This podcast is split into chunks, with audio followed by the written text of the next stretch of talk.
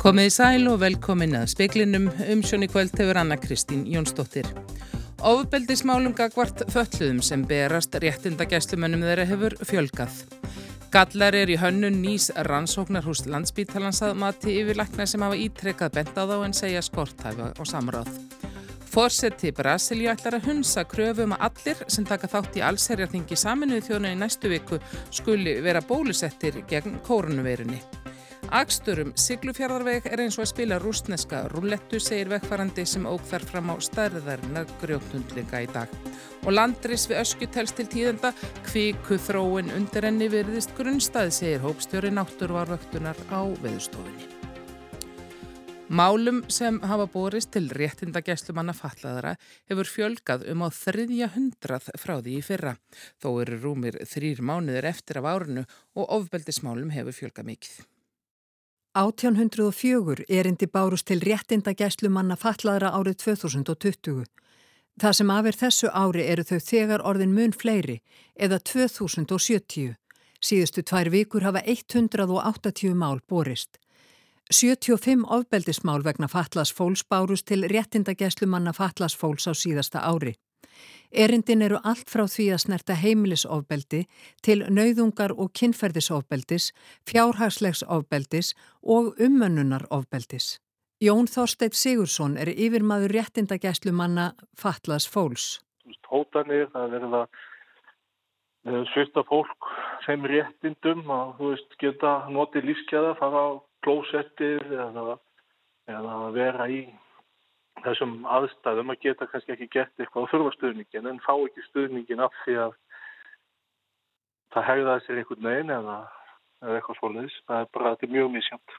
Jón segir fallað á stundum ekki gera sér grein fyrir því að þeir sæti ofbeldi. Þeir telli ástandið eðlilegt því þeir þekki ekki annað. Eins og rannsóknir bara sína þá er þessu hópu mun útsettar fyrir ofbeldi og þetta ofbeldi er oft, þú veist, uh, bæði umunur ofbeldi og bara almennt ofbeldi og höllu fólki er eitthvað sem er ósynlegt í samfélaginu hjá okkur og það gerir það verkum að veist, við kannski verðum ekki vör við það og þetta er kannski mikilvægt að tilkynum slíkt og og hérna, ég get sagt bara að það er skilda bæði starfsmann í félagsjónustu og þá fólks að tilkynna til réttingæslu ef það telur brotur réttum um fallast fólks, þannig að við getum þá stutt falla fólk við það að ná fram rétti sínum saði Jón Þorsteit Sigursson, Ólafur hún skúladóttir talaði við hann. Verð hlutabrifa á markaði hefur hækkað mikið hér undanfærin misseri og viðskipti líka aukist. Í loka ágúst var 12 mánaða verðhækkun á hlutabrifa á markaðinum hér á landi, rúmlega 65% og hverki heiminu meiri á þessu tímabili. Hækkunin var til samanburða tæplega 42% í Svíþjóð þar sem verði hækkaði næst mest og um 29% í bandaríkunum. Nánar er fjallað um þetta í sjónvarpsfrið fréttum klukkan sjö. Yfirleiknar á landsbítalanum hafa ítrekkað bent á galla í hönnun nýs rannsóknar hús spítalans og segja skort hafi á samráð.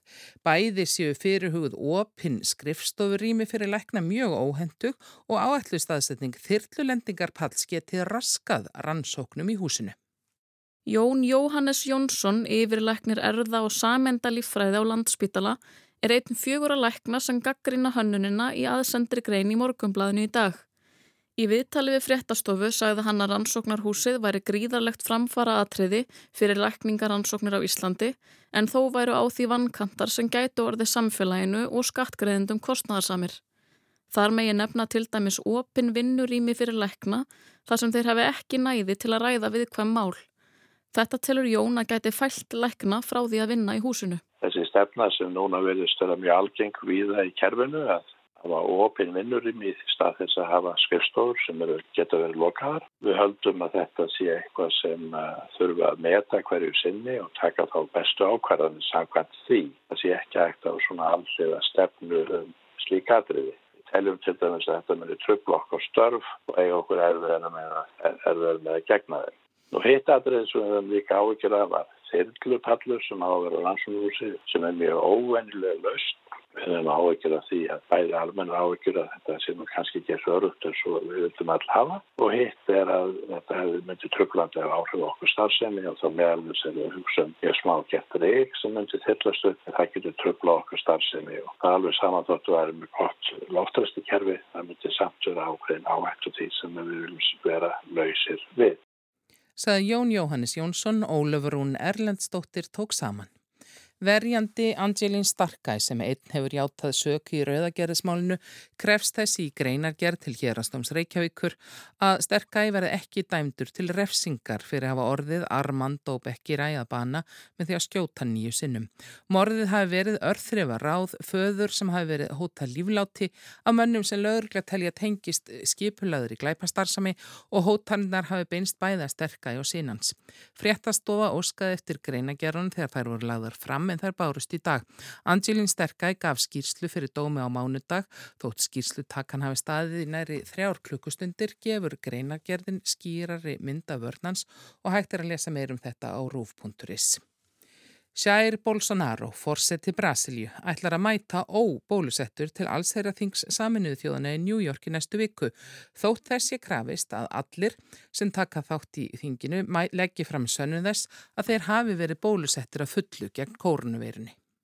Borgar yfirvöldi New York tilkynntu saminuðu þjóðunum í vikunni að þar sem fundarsalur allsherra þingsins flokkaðist sem ráðstafnusalur gildu um hans sömu sótvarnareglur og aðra sambærilega. Engin gæti tekið þátt í fundum eða öðrum samkomum í New York borg nefn að leggja fram sannanir um að það hafa verið bólusettur að fullu. Rússar hafa mótmælt þessu og í gær tilkynnti Brasilíu fórseti að hann ætlaði að mæta óbólusettur til þings. Hann hvaðst ætlað flytja hófstilta ræðu um málefni sem helst brenna á Brasilíumannum um þessar mundir, svo sem afstöðu þeirra til heimsfaraldursins, landbúnaðarmál og orguöflun. Antonio Guterres, aðal framkvamda stjóri sameinuðu þjóðana, segir að ómögulegt sé að framfylgja kröfu borgar yfirvalda um að allir leðtogar og stjórnar erindrekar sem mæta til allsýraþingsins skuli bólusettir að fullu, en skrifstofa Bills Blasiós borgarstjóra situr við sinn keip. Sér Bolsonaro hefur einatt gert lítið úr COVID-19 faraldrinum og þörfinni á bólusetningu. Hann lísti því yfir fyrir nokkru að hann er því síðasti brasiljumæðurinn sem leti bólusetja sig. Hann vektist í fyrra af COVID-19 en segist að hann náð sér að fullu á skömmum tíma. Ásker Tómasson saði frá. Á Siglufjörðavegi óku vekkfærandur sem voru á leið frá strákagöngum til Siglufjörðar að stærðar grjót hnullungum í morgun þannig ekki var hægt að komast þar framhjá. Við vorum sérst á leið til Siglufjörðar e, í morgun rétt fyrir klukkan tíu og þá mætur okkur þetta grjótrunn á á leiðinni eftir að við komum úr göngunum sykluferðamegin. Þetta voru risastór björg. Stefania Hjördís Lefstóttir, íbú í fljótonum, segir að þurft hafið að fá vinnuvela frá syklufyrði til að fjarlæga hnullungana þannig að mögulegt var að akum veginn. Stefania segir að þetta sé ekki fyrsta skipti sem slíkt gerist. Það er eins og eiginlega að spila rúsneska rúliftu að fara þennan veg. Það er bara þannig hvort sem það er vetur eða sumar. Það er snjófláða hætta gríðarlega á, veturnaðina og svo, svo mikið grjót hrun á sumrin og sérstaklega á höstin eftir mikla vætutíð.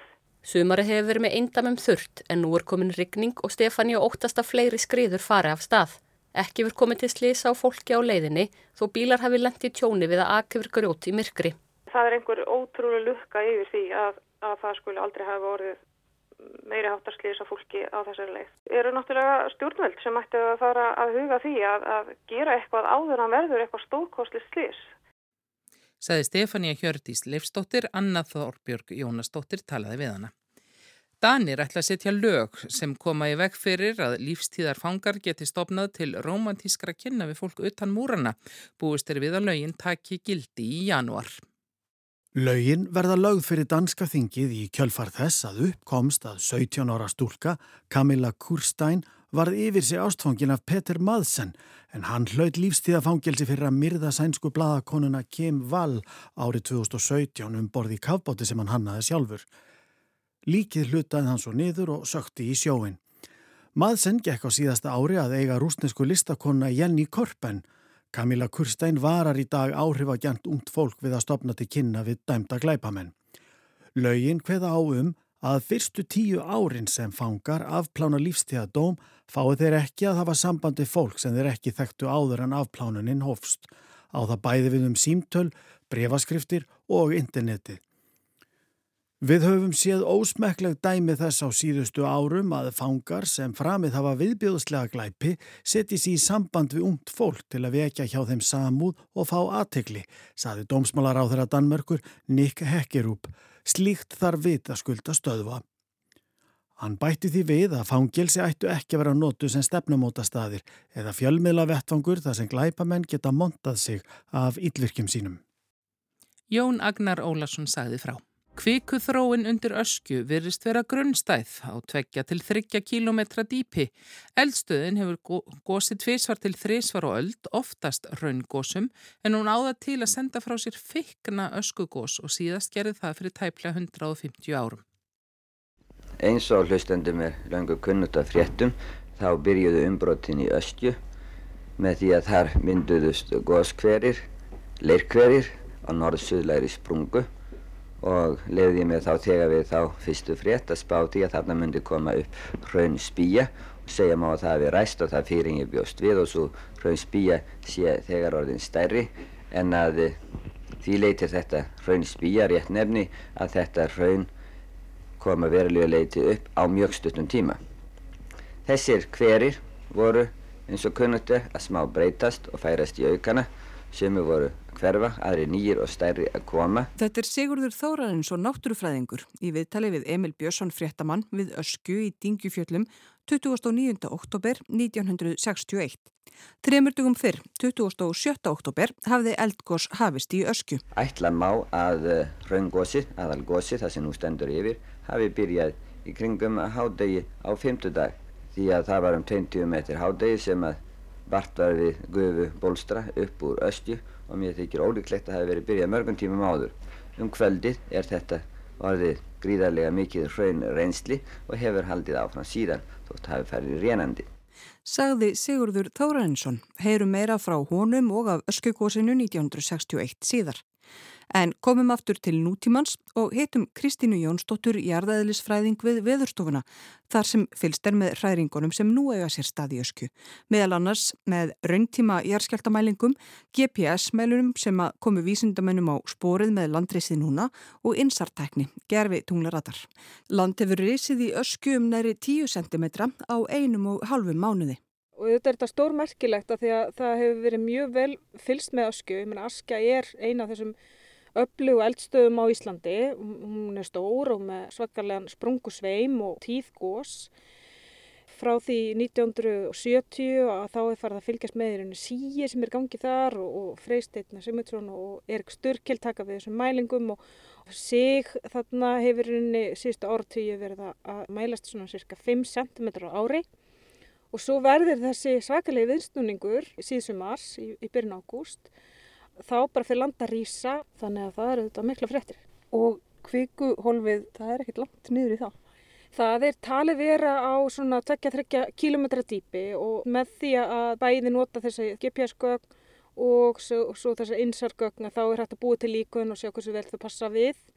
Þannig að þetta dýpi verist sannilegt á þessum, þessari þenslu miðju þá. Hefur það einhverja þýðingu, þú veist, gera hlutinir þá rætt eða hægar eða er það ekkert að svara því? Jú, það hefur þýðingu, sko, þeimun grinnri kvikusöfnun, þeimun hættulegri í rauninni. Barðabungu kvikuhólfið er talið vera svona 8-10 km dýpi og við í rauninni sáum hvernig það svona þandist út þá til að svo kvika fóra á stjá og nú eru við miklu, miklu ofar og þá er spurning sko hvenar er þrýstingur orðið nægilegur til þess að, kvikan hérna verður óróleg og vil fara eitthvað annað og er þá þægilega fyrir hann að fara eftir sprungu svimnum til norðaustus eða til suðvestus eða er reynilega öðuldasta leðin að koma beint upp. Núna í oktober eru 60 ár frá síðasta gósi í Ösku. Það var hraungós og er talið að það hafi staðið fram í desember. Á árunum 1921 til 1930 urðu nokkur smágós niðri við Öskjuvatn en árið 1875 varð afdrifarikt sprengigós. Gjóska lagðist yfir sveitir austanlands svo að heiðarbíli og gerðir í uppsveitum lögðust í eyði. Gósið átti sinn þátt í að fjölmarkir fluttu til Vesturheims. Eftir að gósinu laug seg land mikið og þar er nú heið ægifagra öskju vatn. Hraungós eru algengust í öskju, gós líkt og í Fagradalsfjalli og Hólurhaunni. Það verða líka sprengigós í öskju og þau eru sjálfgefari en þau geta verið svakaleg og 1875 gósið var auðvitað gríða mikið gós og hafði mikið láhrif á, á, á Íslendinga. Ég heyrði að, að sérst, 38 tím eftir að gósið hófst að þá var aska farin að falla í Stokkólmi og þar voru gerðar efnagreiningar á öskunni. En hvað er það sem að stýrir því? Hvort gerst? Já, það eru auðvitað efnasamsending kvikunar sem skiptir máli. Og þó við getum séð að þarna séð kvika þennjast út, þá getum við ekki vita hver efnasamsendingin hennar er fyrir hún bara reynlega kemur upp. Það geta líka orðið sprenginga bara hreinlega sko, vegna þess að það er grunnvatt sem kemst að basískri kviku. Þannig að það geta orðið svona gufsprengingar en 1875 gósið var sprengigós vegna þess að kvikan var súr og kísil sýri rík. Kristín minnir á að þó að kvika sé að þrýsta sér upp er lang algengast að kviku innskot komist ekki upp á yfirborð og verði að eldgósi. En miða við gósögu ösku væri ekkert óvenilegt að hún leti á sér kræla. Þetta eru svona 2-3 gós á öld að meðaltali og það sem við sjáum líka þegar gósaðan er, er skoðið er að, að það er oft þegar hún fer í ganga það er hún með ítrekkuð gós yfir eitthvað tíma. Það kannski koma 8-10 ár þar sem verða gós með svona við og við og það er náttúrulega eitthvað sem gæti alveg gerst. Gígarnir sem að gaus úr í raungósinu fyrir 60 árum kallast Vikraborgir. Þar við eru nú bílastæði þaðan sem öskju farar gangað til að komast að öskju vatni og viti. Raunnið úr Vikraborgum, Vikrar raun, ranniður fjallið gegnum svo kallaða öskju op og staðnemdist austan við Dregagil. Þar skamt frá voru síðar reistir skálar ferðarfélags aðkurirar. En förum nú aftur um 60 ár og gefum Sigurði Þóraðinsinni orðið eins og ég nefndi þá var þetta Röngos og fylgdi því mjög lítið öskufall. Það var nokkuð vikufall inn í östju sem barsti söðurs fyrsta daginn. Þygt lag af vikri dökkum fröðkjandum vikri inn í viti svart yfir að sjá og rastir á östju vatni þetta hefur mun hvergi hafa borist til byggða og er mjög óverulegt miða við sprengjugós Það myndaðist góðsprunga sem líkur ekki eins og við byggumst við í byrjun og töldum þegar við flugum um nóttin að það var stígjað og var lægt átt að sjá fjallunum, töldum að hún væri frá norður til söðurs eins og yfirleitt er hér á Norðurlandi. Hún líkur hodri rétt á þá sprungu eða svo að segja út í östju, raunar eins og þær mörgu sprungur sem að myndast höfðu og við sáum þegar við skoðum hvera stöðvarnar þarna í fyrsta sinni.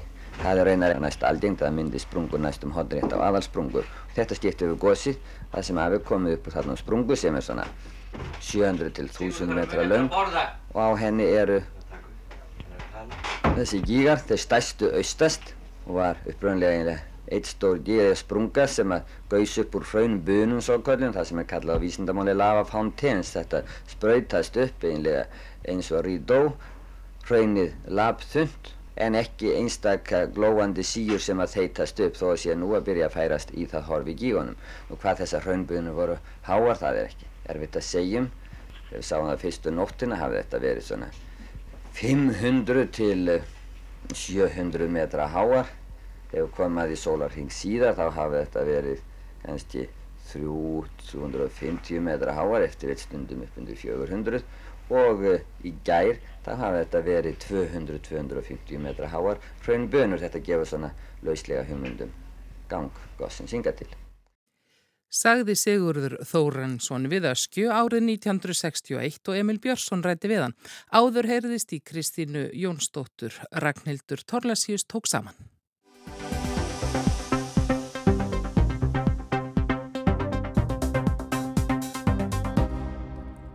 Þrýr flokkar til vinstri ætla að reyna stjórnarmyndun í Nóri eftir þingkostningarnar á mánudaginn. Óvíst er um samstöðuna. Deilumálin eru mörg kunnugleg fyrir Íslendinga önnur framandi. Gísli Kristjánsson. Formenn þryggja flokkar þegar farnir að ræða saman og flokksmenn þar almennt komnir í hár saman um markmið og leiðir þegar ný vinstri stjórn tekur við völdum í haust. Rekna má með að minnst mánuður líði áður en að það verður. Hins vegar gengi út frá því sem vísu að Jónaskar Störi verði næsti fórsættisráðara. Hann er formaður verkamannaflokksins, stærsta flokksins. Jónas hefur þó enn ekki fengið formlega umboð til stjórnarmyndunar. Það gerist ekki fyrir 7. oktober þegar Erna Solberg heldur á fund Haraldar Konungs, leggur fyrir hann í fjárlög, segist hafa tapað kostningunum og að hún verða mæla með Jónasi sem arftaka. Erna er þó þegar búin að segja koningi frá undir fjögur augu hvernig kostningarnar fórum. Vel má vera Jónas verði tilbúin með nýja stjórn þegar hann fær umbóðið frá konungi í næsta mánuði. Þegar fyrir kostningar höfðu verkamannaflokkur, miðflokkur og sósialíski vinstriflokkurinn gefði í skín að stamstarf væri álitlegur kostur ef meiri hluti fengist og hann fjækst upp á fjögur þingsæti.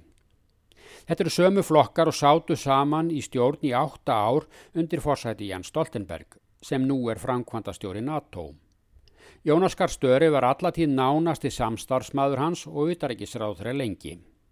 Flokkarnir hafa því unnið saman en flesta fólkinu nýtt í þessu samstarfi. Það er að Jónasi sjálfum undanskildum. Mart hefur breyst frá því fyrir átta árum. Það þarf að semja um allt upp á nýtt. Miðflokkurinn var í tíð Jens Stoltenberg minnsti flokkurinn í samstarfinu og verkamannaflokkurinn afgerandi stærstur. Núna er miðflokkurinn næstæstur og þingstyrkur flokkana jafnar en áður. Miðflokksmenn segja mér réttu að þeim einum hafi tekist að flytja atkvæði frá hægri flokkonum og yfir til vinstri. Sigurinn sé því þeim að þakka, auk þess vissulega sem flokkarnir allra lengst til vinstri náðu í marga nýja kjósendur. En nú hefur miðflokknum vaksið mjög fiskur um hrygg í formannstíð tryggvi slagsvold veðum og miðflokksmenn vilja völd og áhrif í samræmi við það.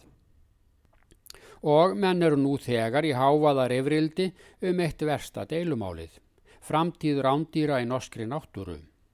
Þar eru fjóri stopnar, Úlfur, Björn, Jerfi og Gaupa. Þessi fjór eina og vanheilega hersing á það sameinlegt að vera afar sólkin í kindakjöld. Miðflokkur sem er flokkur bænda vil losna við kvíkindin í eitt skipti fyrir öll af afréttum landsins. Sósialistar vilja aftur á móti tryggja þeim sómasamlegt lífsviðurværi og samfeld veiðilönd. Gjarnan að bjóða flækingsúlfa frá nálagum löndum velkomna til kynbóta.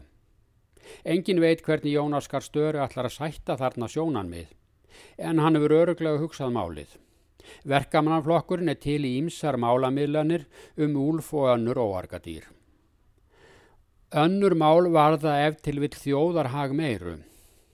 Eitt er afstæðan til Evróska efnagsvæðisins EES og reyndar til NATO líka.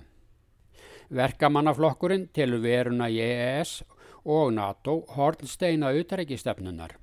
Viðskipti landsins við útlönd byggja ríkum mæla á EES og varnir landsins á NATO. Þarna eru Jónaskar Störi og Erna Solberg á einu máli.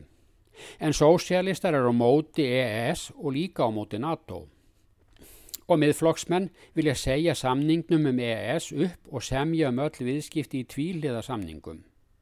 Í utrækismálum er mjög þröngt um vik fyrir Jónas að gefa eftir en augljóst að tryggur meiri hluti er á þingi fyrir aðilda NATO og EES en það er með stuðningi hægri flokkana. Þannig er óleistur vandi fyrir Jónas ef hann á að semja til vinstri.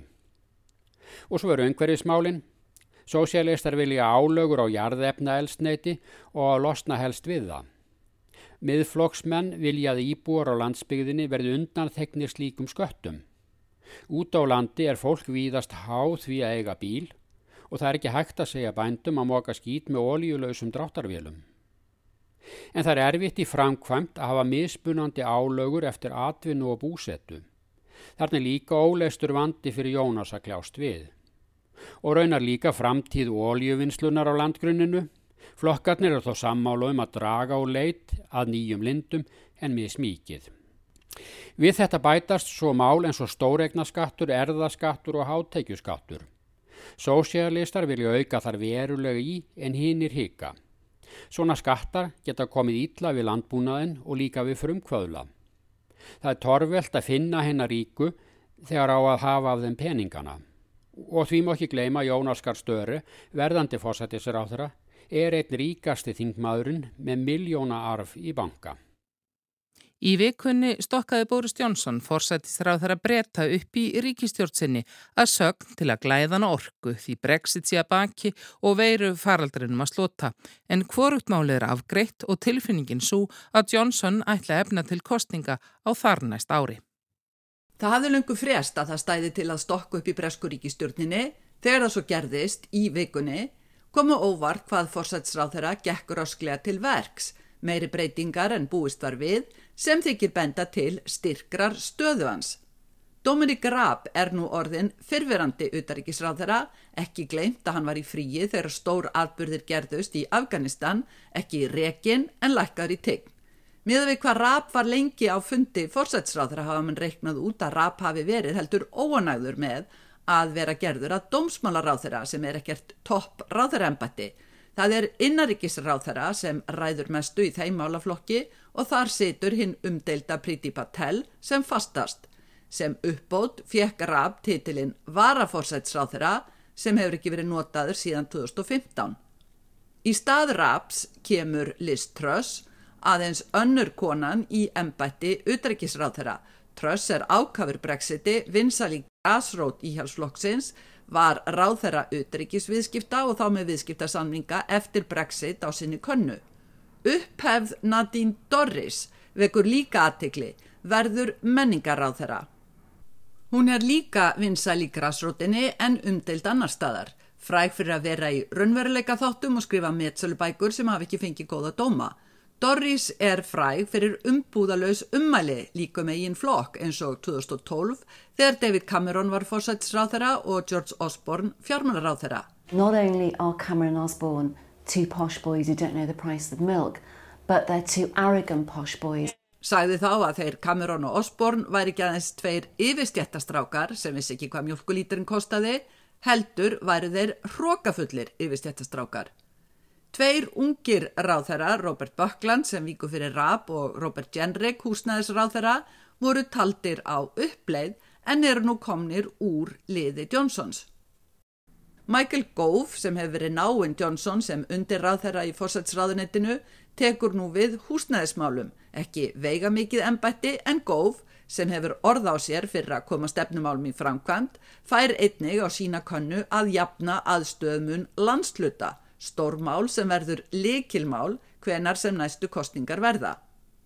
Það þótti augljóst að Gavin Williamson yrði rekin sem mentamlaráð þeirra því hann hefur átt einstaklega ólukkulegan feril Það var þó frekar búist við að Williamson yrði fundið eitthvað minnlítið embætti að því hann var áður svo kalluð svipa í þingfloknum sá um að halda agaðar. Með þeim starfa fylgir að vita allt um alla, svo Williamson geti orðið skeinuhættur anstæðingur. Sem Johnson óttast þó ljóslega ekki.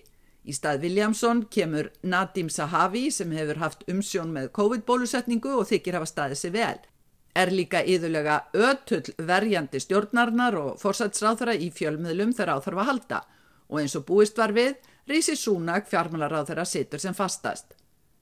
Johnson fekk góðar viðtökur á fyrsta ríkistjórnarfundinum þegar hann sagði að stjórnin hýðist klára sitt helsta verkefni sem væri að samina landið jafna aðstöðumun. We are going to fulfill our fundamental project of uniting and leveling up across the whole country. Because that is what, that is what it, our, our, our, our mission is. En hver er þá tilgangur uppstokkunarinnar?